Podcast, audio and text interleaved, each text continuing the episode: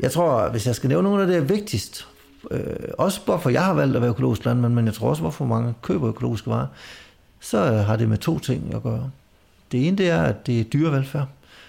At man ved, at hvis man køber økologisk mælk, så er de køer gået ud på en græsmark om sommeren og kunne ligge ud på marken og slække solskin og, og nyde det og spise frisk græs. Og det giver bare et andet liv for dyr.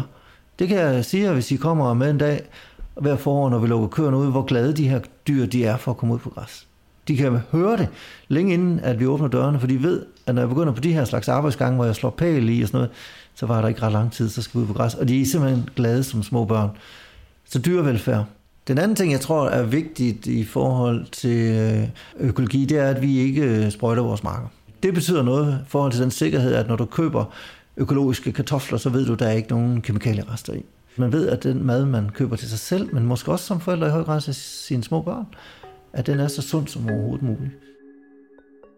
Velkommen til Med kloden i kurven, en podcast, der handler om, hvordan vi som forbrugere kan tage bæredygtige valg i hverdagen.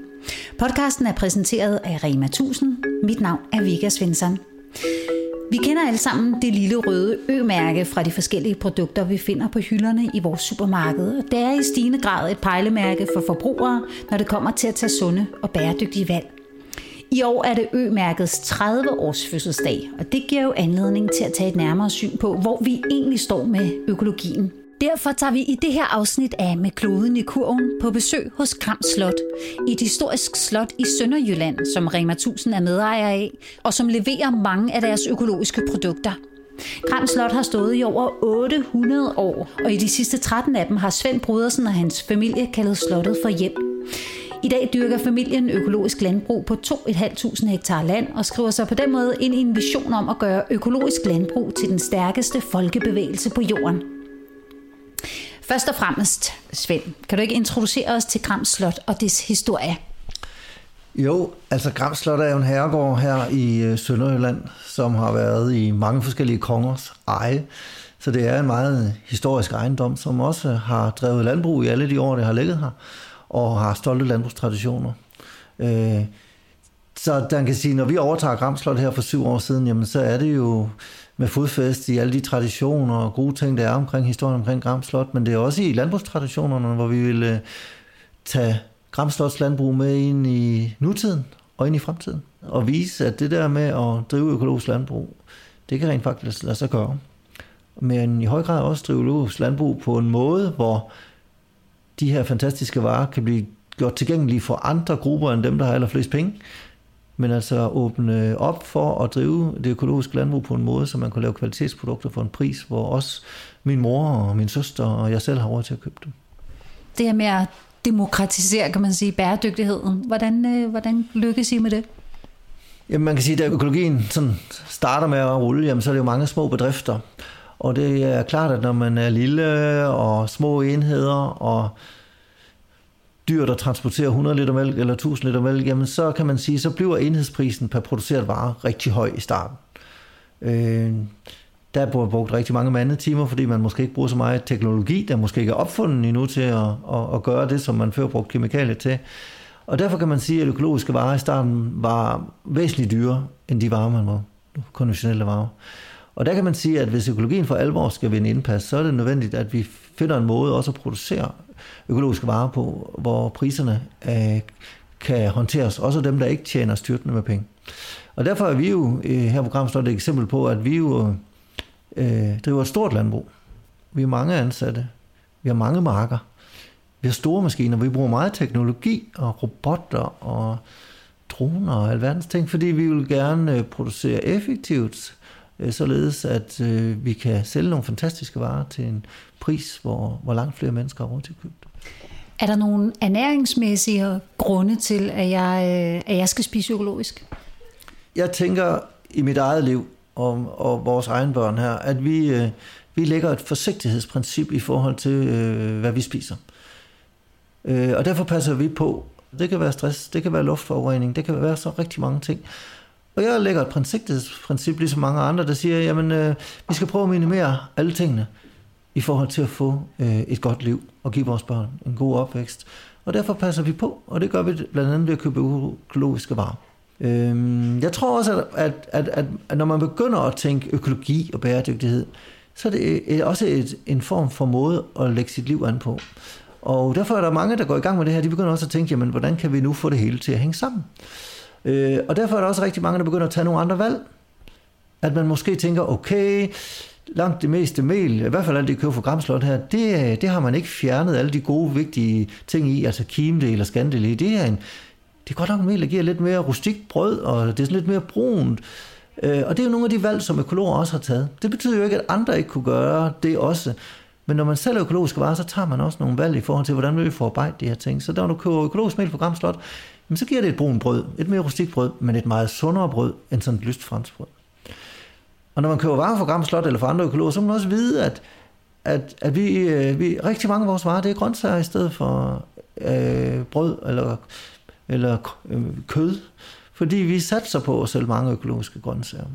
Øh, og derfor tror jeg også, at rigtig mange, der tænker over det der med, hvad skal vi spise og sådan noget, de kommer også ind i et mindset om, at måske skulle vi spise nogle flere grøntsager, måske skulle vi spise noget mere rustikt brød, og måske skulle vi gøre sådan og sådan. Og samlet set, så bliver den lidt økologiske livsfølelse til nogle meget sunde valg i forhold til din kost. Og det tror jeg på har en betydning.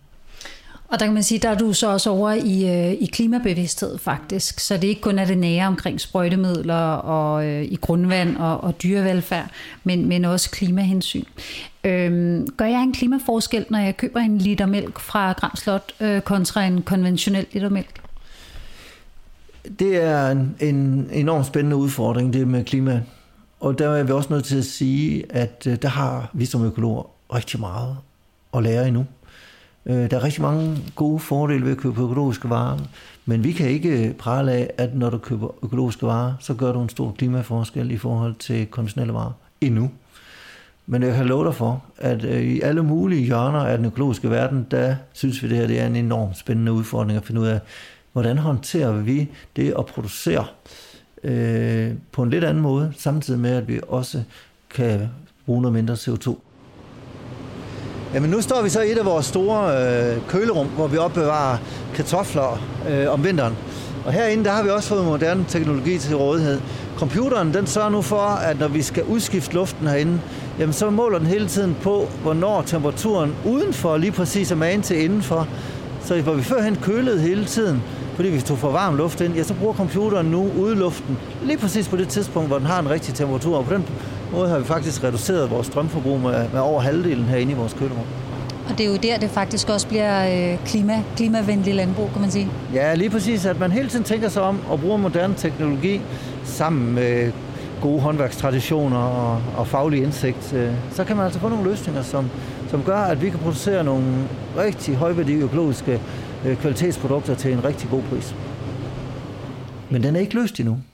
Så, så, og, og der føler jeg bare, at vi som økologer skal være bundærlige i det her. Og bare sige, vi klør på med krumhals. Vi har sagt til alle, det er en opgave, der skal løses. Vi har ikke alle svarene endnu, men vi arbejder på det. Kan du løfte sløret for nogle af svarene, eller nogle af de ting, som du selv tænker, okay, det kunne faktisk klimaoptimere øh, vores øh, produktion her? Jamen helt sikkert. Den måde, vi i dag får ukrudt væk fra markerne på, i og med at vi ikke kan sprøjte det væk, det er for eksempel øh, mekanisk, at man flytter jorden, og man renser i jorden. Det der er ulempen ved det, er, at hver gang man flytter på jorden og renser på jorden, så, så er der en hel masse nye ukrudtsfrø, der får lidt lys og begynder at spire. Og det vil sige, godt nok fjerner vi noget, men vi tænder også en masse andre ukrudtsfrø.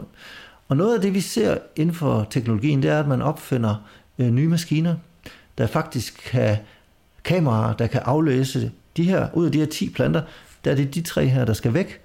Og i stedet for at rode i jorden, jamen, så kan man med en lille energistråle øh, ramme den her lille ukrudtsplante, således at den lige så stille holder op med at gro, i stedet for at bruge kemikalier, og i stedet for at rode i jorden. Problemet er at rode i jorden, er at få ny frem, men problemet er også, at det koster en masse CO2, fordi at køre med maskiner i marken, der skal trækkes igennem jorden, det bruger brændstof. Og det er ikke en god idé. Og derfor er den teknologi, der er ved at komme frem, hvor man bruger øh, kameraer til at identificere, hvor der er et problem hen. Man bruger måske lysenergi til at, at løse problemet med. Det er helt enormt spændende. Helt enormt spændende. Og det vil ikke bare være en løsning for økologiske landmænd, det vil være en løsning for rigtig, rigtig mange også konventionelle landmænd. Og det sjove er jo, at jamen, hvorfor er alle de her teknologier ikke kommet frem før? Jamen, der var jo ikke en efterspørgsel efter det. Men i og med den økologiske efterspørgsel ude hos forbrugerne stiger og stiger og stiger, så begynder folk altså over hele verden at sætte døgnet rundt og tænke, hvornår, hvordan kan vi gøre noget smart? Og derfor skubber forbrugernes valg af økologiske varer jo også på forskere rundt omkring, der siger, jamen det er jo der, vi skal bruge vores tid, det derfor. og så får vi altså nogle løsninger frem, vi ikke har fået frem, hvis ikke der var nogen forbrugere, der købte økologiske varer. Skeptikere af økologisk øh, landbrug øh, og produktion af fødevarer øh, siger tit, at det er meget pladskrævende at, at dyrke økologisk, øh, og, og den plads kunne man jo bruge til naturparker osv., der kunne øge øh, biodiversitet og, og hjælpe klimaet. Øh, hvad siger du til det? Jo, men det er jo, det, er jo, det er jo fuldstændig rigtigt. Man er også bare nødt til at kigge, at når man kigger på, når vi driver et økologisk landbrug, så er der meget natur i den enkelte mark. Det er der blandt andet, fordi vi har måske 20 forskellige afgrøder på vores jord. Fordi at det at skifte afgrøder er en vigtig del af det økologiske øh, måde at drive landbrug på. Så, og nede i bunden af min kornmark, den er ikke helt ren. Og det synes mine agerhøns er vildt spændende. Fordi dernede, der kan de finde et stykke fuglegræs, eller en pilurt, eller forskellige andre ting. Fordi de kan ikke leve af den der majs, eller den der hvede, der står dernede. Og derfor kan man sige, at der er jo en mangfoldighed af, af ukrudtsarter, på den gode måde i, øh, i det økologiske sædskifte. Der er masser af rest der er, der er alle mulige andre, hvor man har ikke sådan et, hvad skal man sige, monotont sædskifte, som man nogle gange kan have i et konventionelt landbrug, fordi det kan vi simpelthen ikke. Så derfor kan man sige, at det gør det meget. Men det er noget, der for alvor øh, skal sørge for, at vi både har plads til en stor fødevareproduktion og plads til en masse biodiversitet i natur. Det er jo også, at, at folk tænker over, hvad de spiser.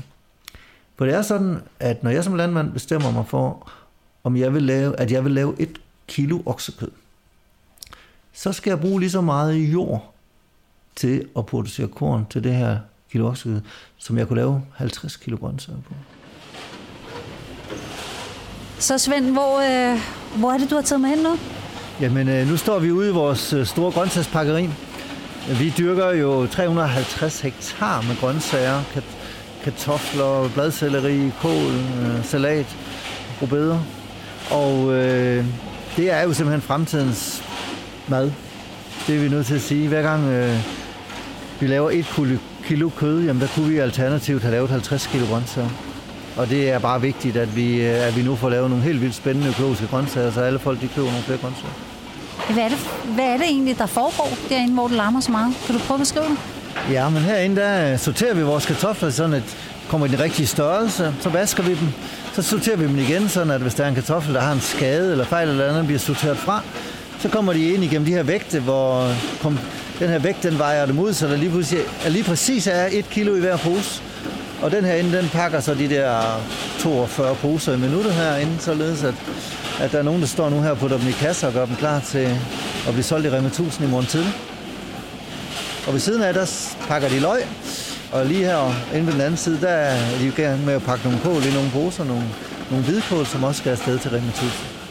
Og hvornår bliver de her grøntsager hævet op af jorden eller plukket?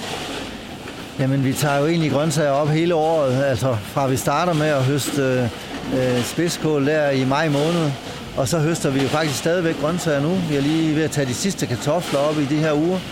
Øh, og så ligger de jo inde på kølerum, således at vi kan sælge øh, grøntsager faktisk næsten hele vinteren også. Så kommer de om natten her og fylder lastbilerne, øh, tager alle de her store kasser med, og så er de ude i butikken i morgen til. Og derfor kan jeg godt sige, at det, der rykker rigtig meget, i forhold til, at vi både kan drive hele verden økologisk, og sørge for, at folk får noget godt at spise, men samtidig også får meget mere natur, det er, at vi begynder at spise nogle flere grøntsager. Og noget mindre oksekød. Og det er til trods for, at jeg selv producerer oksekød, så er jeg bare nødt til også at være ærlig og sige, det vil rykke så meget. Der er 50 gange så stor belastning på naturen per kilo oksekød i forhold til per kilo grøntsager. Hvordan kan det være, at øh, man ikke bare omlægger al landbrug her hjemme i Danmark til, øh, til økologi? Det er ren vane. Øh, og så tror man, at det ikke kan lade sig gøre.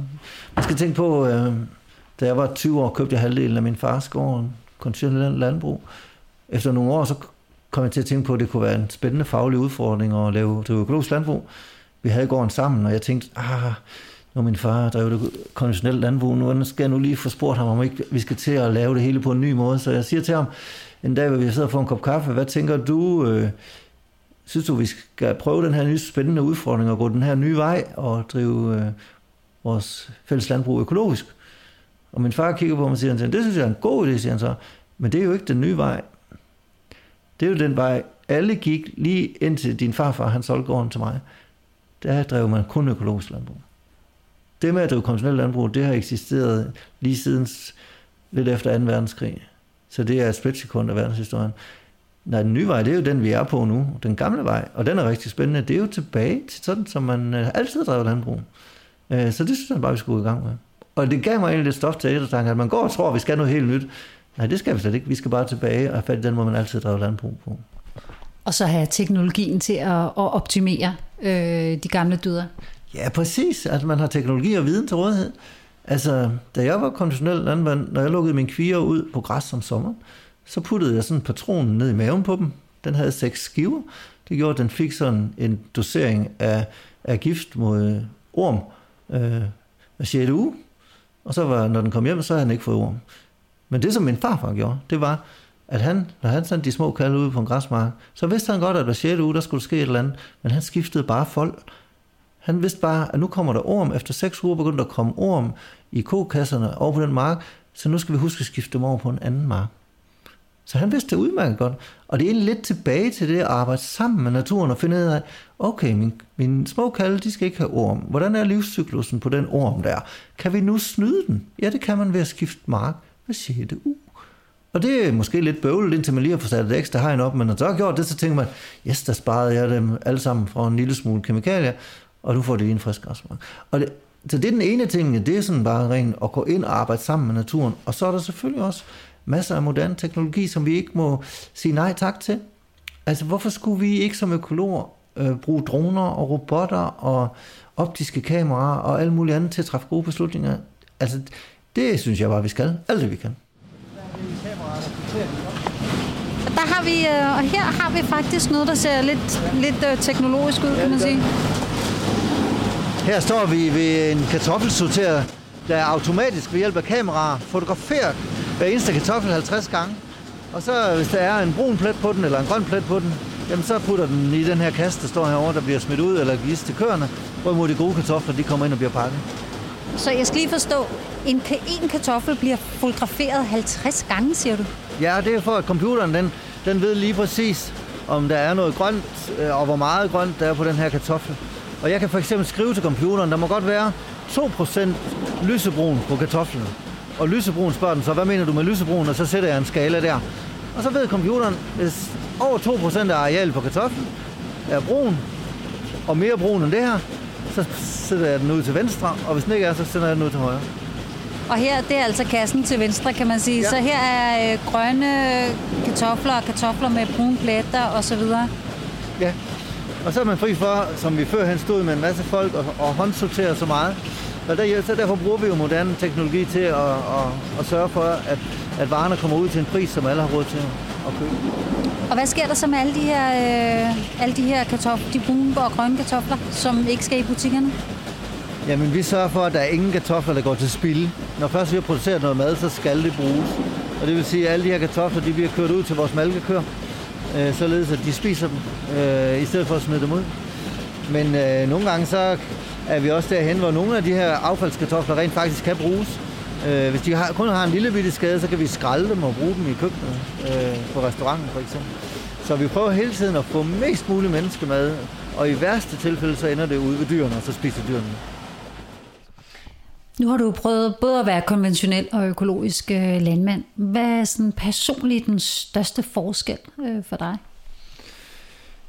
Øh, jamen, den største forskel, når man går fra at være konventionel til at være økologisk, den mærker jeg hos mig selv, øh, og, men den kan jeg også mærke hos rigtig mange af mine kolleger, der har lagt om, det er, at man tager en beslutning om, at man vil sætte en retning for sit liv, der er lidt anderledes end den, man bare var blevet sat ned i, da man startede. Det med selv positivt at forholde sig til, øh, hvordan man vil bruge sit liv, og hvad man vil gøre, det giver en helt anden måde at stå op om morgenen på, fordi at, øh, øh, det er noget, jeg selv har besluttet. Og det er en stor beslutning for mange, fordi det er, man kommer lidt på, ud på usikker grund, når man har gjort tingene på en måde i mange år. Men folk bliver enormt, øh, hvad skal man sige, optaget af det her nye projekt, hvor de nu skal være helt inde i øh, tingene på en ny måde, for at det ikke går galt for dem med de her afgrøder. De skal tænke på, hvordan kan jeg forebygge orm hos mine kalde, for jeg kan ikke bare give dem noget ormekur lige om lidt. Øh, og jeg oplever det jo bare det kæmpe engagement, som økologiske øh, landbrugsfamilier har. Og sidde øh, sammen med dem, det er jo sådan, åh, oh, så gjorde vi sådan, og oh, har du hørt om det? Hvor jeg tit og ofte har kunne mærke, da jeg var økolog, eller da jeg ikke var økolog, når jeg kom til et landbrugsforeningsmøde, jamen så sad vi og brokkede sig over, at direktøren i vores andelsselskab, han var heller ikke dygtig nok, og alle de andre, de er også bare imod os, og de forstår slet ikke noget. Men som økolog, der, der bliver man, man bliver et eller andet sted øh, optaget af et, et livsprojekt, som gør, at man, øh, at man bliver lidt stoltere af sit erhverv. Og det betyder rigtig meget, sådan, også overfor ens barn og alt muligt andet, at man er stolt af det, man laver, og man har taget en beslutning om, at jeg vil gøre det på en anden måde.